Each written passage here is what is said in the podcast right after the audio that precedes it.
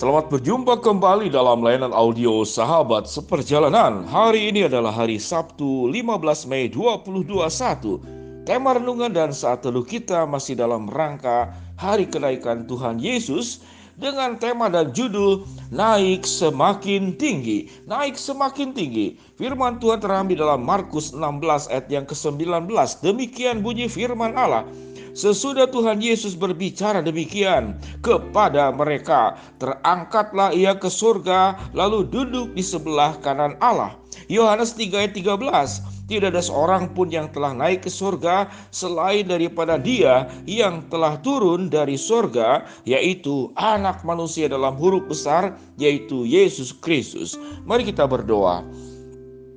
Bapak yang di dalam sorga, biarlah lewat saat teduh kami saat ini kami boleh belajar tentang bagaimana meningkatkan banyak aspek dalam kehidupan kami adalah sesuatu yang benar, yang sesuai dengan kehendakmu, bukan meningkatkan perkara-perkara yang justru membawa kami semakin menjauh daripada engkau, naik semakin tinggi. Biarlah itu menjadi bagian dalam hidup kami. Dalam nama Tuhan Yesus kami berdoa.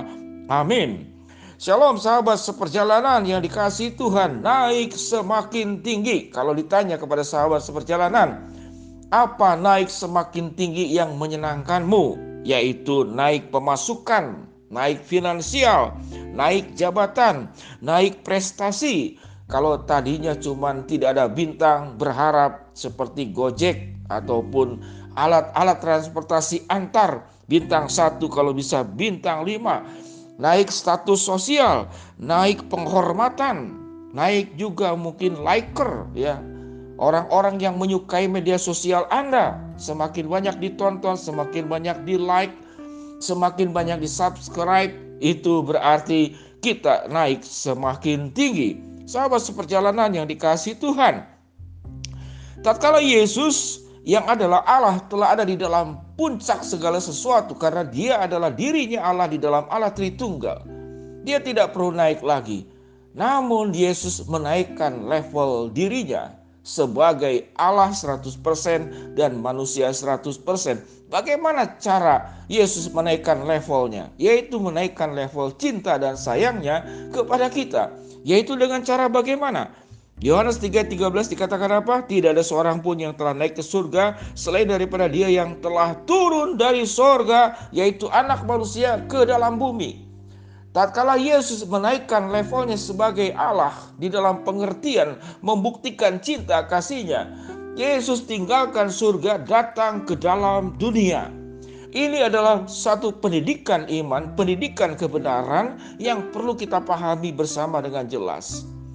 Tatkala Yesus itu menyatakan kasihnya dan cintanya, kepeduliannya, kebaikannya, kemurahannya, anugerahnya.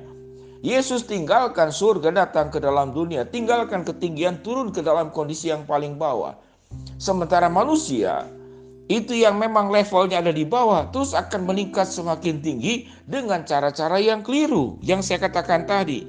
Yang diharapkan naik gaji, naik pemasukan bukannya salah naik jabatan, naik prestasi, naik bintang 1 sampai bintang 5, naik status sosial, naik penghormatan, naik citra.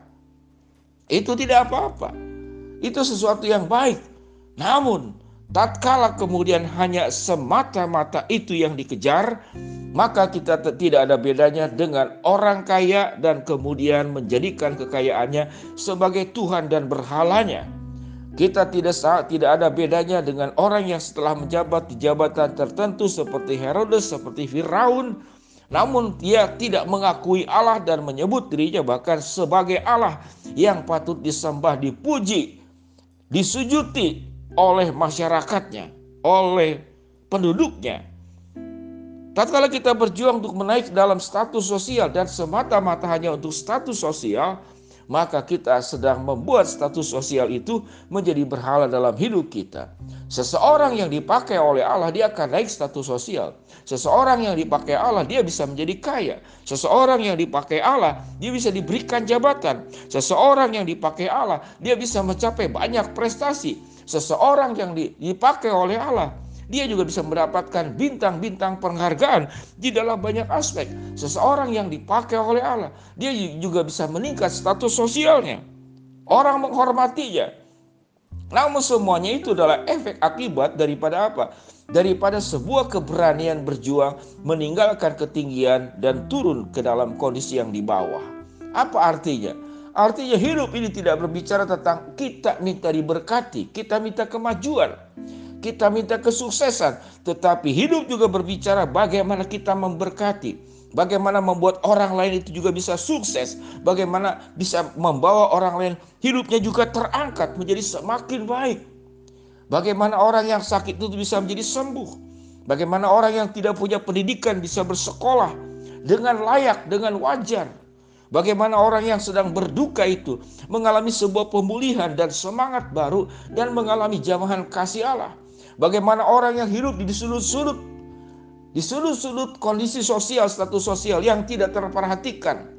Lalu bisa diangkat, dibimbing, kita didik, kita arahkan, kita kita katakanlah berikan tangga-tangga untuk orang tersebut bisa naik dengan proses pembelajaran, proses bimbingan, proses pelatihan yang membuat dia menjadi semakin baik. Sahabat seperjalanan yang dikasih Tuhan, hidup ini berbicara bukan hanya berbicara tentang Allah berbuat sesuatu untukmu, itu satu perkara. Namun Allah meminta engkau berbuat sesuatu untuk orang lain. Jadi Allah melakukan semua kebaikan tidak hanya untuk dirimu. Tetapi Allah memanggil engkau setelah Allah berbuat kebaikan kepada dirimu, engkau menjadi alat, engkau menjadi saluran agar kebaikan Allah itu juga tersalur kepada orang lain. Caranya bagaimana? Dengan engkau berbuat seperti yang Yesus lakukan. Makanya di dalam surat Petrus dikatakan ikutlah jejak teladan daripada Kristus. Sahabat seperjalanan yang dikasih Tuhan, seorang pasukan khusus yang naik dalam jabatan Inggris, Rusia, Korea Utara, Filipina, Indonesia termasuk China, Korea Selatan, Taiwan itu punya pendidikan yang sangat keras. Dia harus merangkak di rawa-rawa. Dia harus ada di hutan berminggu-minggu. Dia akan ditembaki sementara dia berjalan di tali besar dan di bawahnya itu ada api. Bagaimana seorang tentara Korea Utara itu harus meninju batang pohon selama 5000 kali untuk menjadi pasukan khusus. Dan ada pelatihan keras di Filipina selama satu minggu yang disebut dengan program Hell Week. Seminggu neraka. Latihan keras tanpa istirahat.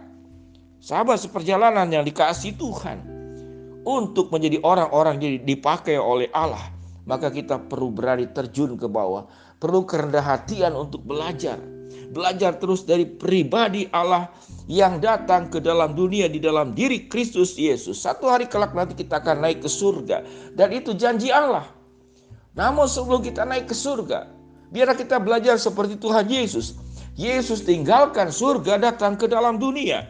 Tidak ada seorang pun yang telah naik ke surga selain daripada Dia yang telah turun dari surga, yaitu Anak Manusia Yesus Kristus. Sehingga, kalau kita simpulkan hal yang paling kita sangat mudah pahami, hidup tidak hanya minta diberkati, Hidup hanya tidak tidak hanya berbicara temanya tentang saya, saya dan saya. Tapi hidup itu juga berbicara tentang bagaimana engkau dipanggil untuk memberkati sehingga temanya tentang Dia Allah, Dia Allah, Dia Tuhan, Dia Yesus yang sudah memberikan teladan kepada kita. Biarlah kita naik semakin tinggi.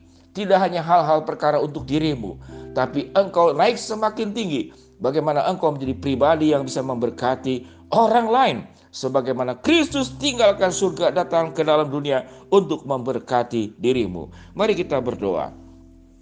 Bapak yang di dalam surga ya Tuhan hamba mau berdoa ya Tuhan buat sahabat seperjalanan yang sedang sakit, yang sakit TBC dan suspek kanker, cancer, Tuhan akan jamah, Tuhan sembuhkan. Hambamu berdoa ya Tuhan, bersahabat seperjalanan, salah seorang sahabat seperjalanan yang sedang tes skripsi, Biarlah Tuhan akan menolong dan akan lanjut untuk masuk sekolah teologi ya. Tuhan akan bimbing melancarkan segala sesuatunya.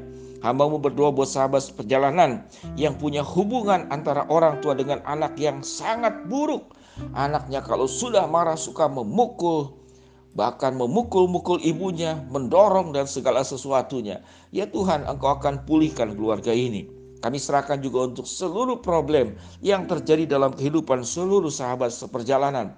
Tuhan yang mendengar, Tuhan yang membuka jalan, Tuhan yang memberi kekuatan, dan Tuhan memberi yang terbaik. Di dalam nama Tuhan Yesus kami berdoa. Amin. Shalom sahabat seperjalanan yang dikasihi Tuhan. Happy weekend. Tuhan memberkati kita semua. Amin.